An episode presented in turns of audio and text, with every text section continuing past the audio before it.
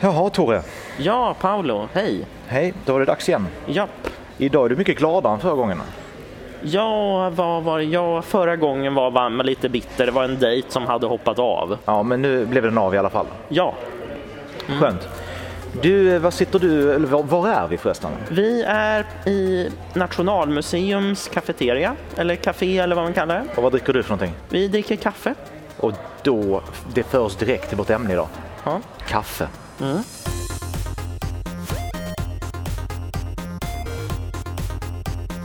Vad vet du om kaffe? Kaffe är... dricker man rätt mycket av. Ibland dricker man ju för koffeinets skull, för att bli pigg. Men omläggningsvis tycker man kaffe, det är bäst. Alltså det är väl en grej som man brukar kalla acquired taste. Man brukar säga att det är ganska sällan, det är kanske när man är barn som man testar kaffe. Och då tycker man, man tycker oftast inte att för, det är gott första gången man smakar. Varför accepterar vi kaffe som drog? Varför är den liksom helt accepterad? Hos Ja. nästan alla i och för sig, för mormoner Ja. dricker varken te eller kaffe. Visste du det? Ja, det har väl kommit upp. Jag tror att det kom upp i samband med val i USA med Mitt Romney. Han är mormon och då är väl just det här, jag var i eh, min familj, vi bilade runt i USA 1994 och det var vi bland annat i Utah i Salt Lake City och det var ju OS i Salt Lake City också. Det här är ju en stad som det är liksom, de har ju väldigt bra skidåkning där på vintern i alla fall. Och eh, det är väl också brukar anses vara bra skidorter bland annat. Det är lite så här. Man har ju inte så mycket alkohol där, men kaffe vet jag inte riktigt. Jag, jag vet inte om de har något kaffeförbud där. eller Det är väl helt enkelt att de som har den tron väljer bort kaffe. Ja. Så varför, varför har vi lagt gränsen hos de flesta i alla fall? Ja, Eh, efter kaffe, alltså kaffe är ändå accepterat som ja, drog om vi ska ja, kalla det som det. precis. Eller, Man har ingen... Man föreställer sig väl helt enkelt att man blir ju inte farlig av kaffe, man blir ju inte våldsam som en del kan bli av alkohol. Man, blir ju, man har väl inte hittat så mycket negativa hälsoeffekter av kaffe. Jag menar liksom, alkohol är en drog, det är väl en av få droger som man kan dö av och överdosera. Men ändå är det lagligt. Jag vet inte om man kan dö av för Jo. mycket kaffe. Ja, för mycket koffein kan man dö av, men Ja. det, är- det, det är rätt hög gräns, men det kan man. Ja, Man har ju läst om, eller jag vet inte hur sant det är, men man har ju läst om de här som har suttit och spelat datorspel hur länge som helst och Ja. bara druckit massa Jolt Cola ja, och dött av, ja, om det var undernäring eller överdos av koffein vet jag inte. oj, ja. Men det finns också sådana här koffein eh, Liksom. Det går ju men att precis. överdosera. Ja, och jag vet inte om det är någonting som folk kör, men jag tror att jag har inte... mm, Jag, jag tror inte ens jag har sett eh, koffeintabletter till salu. Utan det är väl mest någonting som man har hört talas om. Jag tror att det var skolsköterskan på gymnasiet varnade för det. Jag har sett det. Jag har Ja. sett koffeintabletter. Ja, Ehm, men du vet, om vi ska prata om det upplysningstiden. Ja. Eh, koffein, alltså kaffe. ja, Nu är det någon som gör kaffe nu. Men Ja. Vi ska prata om italienskt kaffe sen. Men, men under koff, eh, att man kan se ett direkt samband, mellan, ett orsakssamband mellan drycken kaffe Ja. och upplysningen. Ja. Att människor blev plötsligt, man ser liksom att utvecklingen tog fart rejält. ja. Och då är ju frågan såklart, finns det ett kausalt samband åt det hållet? Är det så att folk började dricka kaffe och därför började de tänka klarare? Eller är det så att folk plötsligt blev lite rikare och hade råd att dricka kaffe och att det Ja. snarare är det som... Ja, det är, det är en intressant fråga man ser. Det sägs ju ibland att svenskar dricker mest kaffe i världen. Det är inte sant. Jag tror att det är Finland och Holland som tävlar om att dricka mest. Men det är överhuvudtaget, det är ju länder i norra Europa där man dricker mest kaffe i världen, där vi verkligen inte odlar kaffe. Det är väl så här med de flesta jag säga, matvaror eh, konsumerar man ju mycket av där man odlar dem, men inte just kaffe. Nej. Jag dejtade en brasilianska och eh, liksom, det, det roliga var också det här att vi pratade engelska med varandra. Hon kallade, koffe, ko, hon sa, kallade det coffee för koff. Det, som hon, det var ju så här att som istället för eh, coffee sa hon koff, istället för sexy sa hon sex. Istället för pussy sa hon puss. You're very sex. Ja, Sa hon det till dig? ja det sa hon. Istället för sleepy sa hon sleep. Alltså, ja. Men och, och hon eh, drack bara en liten, liten kopp bryggkaffe och jag drack en stor kopp. Och det, det var någonting som vi tyckte var lite komiskt att de som kommer från tropiska länder, varma länder där man odlar kaffe, man dricker inte jättemycket kaffe där. Nej. Medan vi som bor längst bort från kaffet dricker mest. Men det här är ju oftast utvecklingsländer. Ja. Mm. Ofta, inte alltid, men oftast utvecklingsländer. Ja, Tänk om det ligger någonting i det här att, att kaffedrickande gör oss till mer produktiva ja, och, människor. ja som man tänker liksom en lite klichén av kaffe, man dricker kaffe på kontor, att kaffe är någonting som är kopplat till kontor. Men kanske om man är ute, alltså om man håller på i jobbar i fabrik och drar spakar, då kan man kanske inte dricka kaffe just när man jobbar. Eller om man är ute och kör traktor. Ja, du menar att det, att, att det kausala sambandet är åt andra hållet? Att där man har kontorsjobb Ja. dricker man mycket kaffe? Det är inte så att, man, Ja. att där man dricker mycket kaffe skapas fler kontorsjobb? Nej, Nej. precis. För det som, det som har tagit oss till tjänstesektorn, det är ju just att det var ju i de rika länderna där man till exempel börjar ha jordbruk med traktor och då är det som blir 90 procent av bönderna arbetslösa och flyttar till stan. Och där, då börjar folk så småningom börja jobba på kontor och till slut jobbar nästan alla på kontor. Så du tror inte alls på att upplysningstiden är direkt kopplad till att Det eh, man började kan- dricka kaffe? Ja, det kan tänkas vara det. Om man, de flesta känner att man blir lite mer, man kan göra mer intellektuellt när man dricker kaffe. Det är ju också någonting i Sverige var ju ganska hög tull på kaffe. Det var kaffeförbud till och från. För nej, men man ville in, det, det är just det här merkantilismen, man vill göra sig, inte göra sig beroende av import. Nej, men det var ju en gammal Ja, dum ekonomisk idé. Ja. Man hade inte så bra koll på tillväxt Nej. på den tiden. Man såg det som ett nollsummespel. Det gör ju fortfarande en del människor, men det ska vi inte gå in på nu. ja, Ja, du, du vet att vi ibland får kritik för att vi inte har koll på vad vi pratar om. Mm. Ehm, men därför ska jag säga någonting nu som jag har hört, men som en kemist antagligen säger Mm. Ja. att jag inte har koll på. ja, Men jag har hört att eh, det är fel att säga att det finns koffein i, i te, Mm. därför att det är ju tein. ja, Eh, men han tog det ett steg längre. Han sa att om någonting, om man nu måste använda de begreppen, så är det snarare så att koffein i kaffe Mm. är ett sorts tein.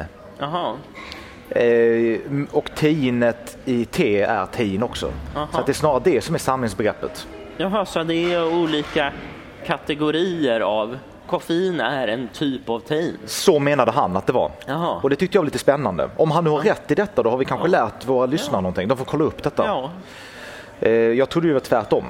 ja för liksom, det är ju så att eh, organiska föreningar kan ju vara väldigt invecklade. Det kan vara liksom, en molekyl med flera hundra atomer. Och då kan ju finnas... Eh, Socker är väl väldigt komplicerat, är det inte det?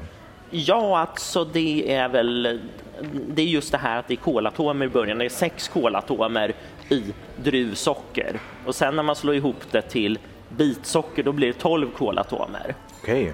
Och, det är väl, och sen socker det är alltså byggstenen i, i kolhydrater.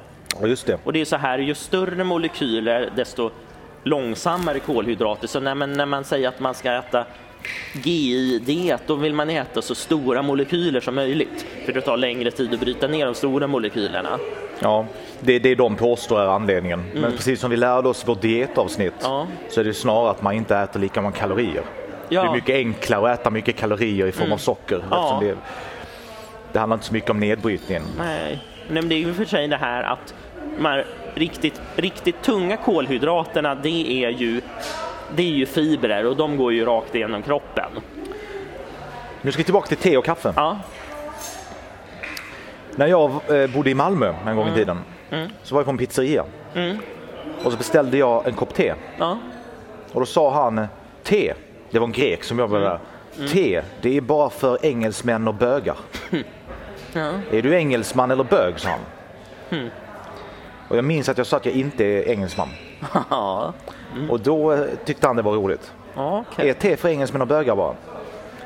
Ja, alltså det, kanske, han kanske tycker att eh, kaffe är lite mer macho.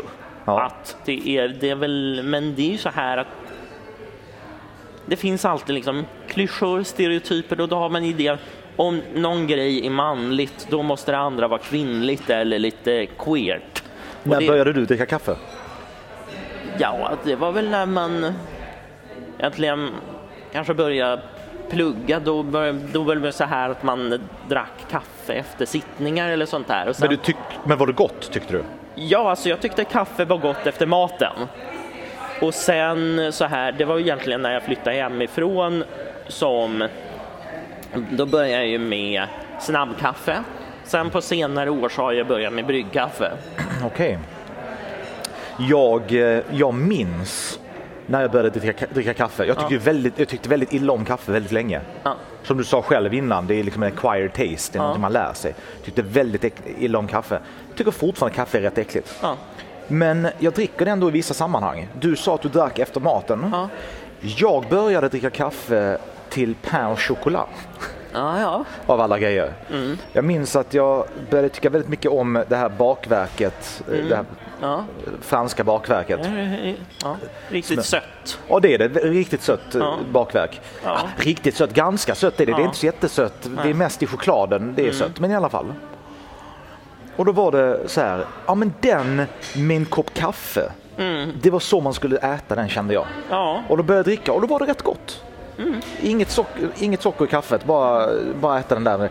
Och, och då blev det liksom en grej att om jag skulle dricka en cappuccino sen så hade jag en sån här Mm. cornetto som är italienarnas motsvarighet till pain au chocolat. Ja. Typ. Mm.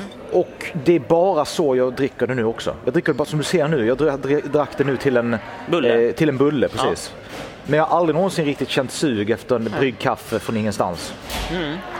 Dricker du bara bryggkaffe? Mest bryggkaffe när jag är hemma och sen eh, ibland när man är ute så har man liksom där espresso eller barista-kaffe eller så här. Mina föräldrar har en espressomaskin och då, de, de tycker fortfarande det här är liksom espressomaskin, det är fortfarande lite lyx för många tycker man. Så det är liksom det här, nu ska vi ha riktigt fin kaffe efter maten. Det finns en väldigt, en väldigt typisk svensk grej när det gäller kaffe när vi pratar om bryggkaffe. Ja. Eller vi börjar så här. Känner du till den här uh, svenska idén om att amerikansk kaffe smakar ingenting? Man pratar liksom smakar bara vatten. Ja. Och då undrade jag länge vad det beror på. Är det för att det är, för att det är lättare bryggt kaffe? Eller vad det, men det är det inte. Det är för att de ljusrostar sitt kaffe. Kan du minnas senast du såg ljusrostat kaffe i Sverige? Nej. Nej, det finns nästan inte. Nej. Det enda stället i hela Stockholm jag har sett eh, ljusrostat kaffe. Det enda sättet i hela Stockholm jag har sett det. Det är på ett bageri som heter Petrus. Och de, det gick så långt, det är väl någon fix idé de har där. Det gick så långt att man, om du går dit nu och säger att du vill ha en kopp kaffe, det är liksom färdigbryggd. Det är färdigbryggt. Då kommer de fråga dig, har du druckit kaffet här innan? Och då måste du svara ja. Annars kommer de vara, vara tvungna, känna sig tvungna att förklara att det är ljusrostat, Ja. för de gillar det. Och om du inte är van vid det kanske du inte tycker om det, för att de har fått så mycket klagomål. Ja, för att det, det är för svagt. Ja, det blir en helt annan typ av Ja. kaffe. Det blir liksom ett väldigt ljust kaffe och Ja. ja, s- ja svagt vet jag inte. Jag, Ja, tror, ja, jag men- tror inte att det är mindre koffein i det. Nej. Jag tror bara att det är en annan smak. Nej, men precis, och det är ju just det här att nej, när man går köper bryggkaffe i affären, då tittar man det så liksom mörkrost, extra mörkrost. Det, här, det är lite som typ att ja, Gevalia och Lövbergs och så. De här liksom svenska kafferosterierna verkar nästan tävla om vem som rostar det mörkast. Exakt, det är väldigt, och det är väldigt svenskt den typen Ja. av, av bryggkaffe. Så om man går längre söderut, Ja. då är det ju mer intensivt på ett annat sätt. Det vi hörde här innan, för vi sitter mitt uppe i, Mm. En, eh, Ett café. ett café, precis, ett stort café, Eket café. Och hela det här ljudet av ehm, eh, kaffemaskiner, alltså Ja. både när de, vad är det de gör? De eh, maler det först Ja. och sen kör den här högtrycket. Ja. Det är ju en, ett inslag i ljudbilden i Sverige som inte fanns när jag var, var liten. Alltså det började ju någonstans på 90-talet.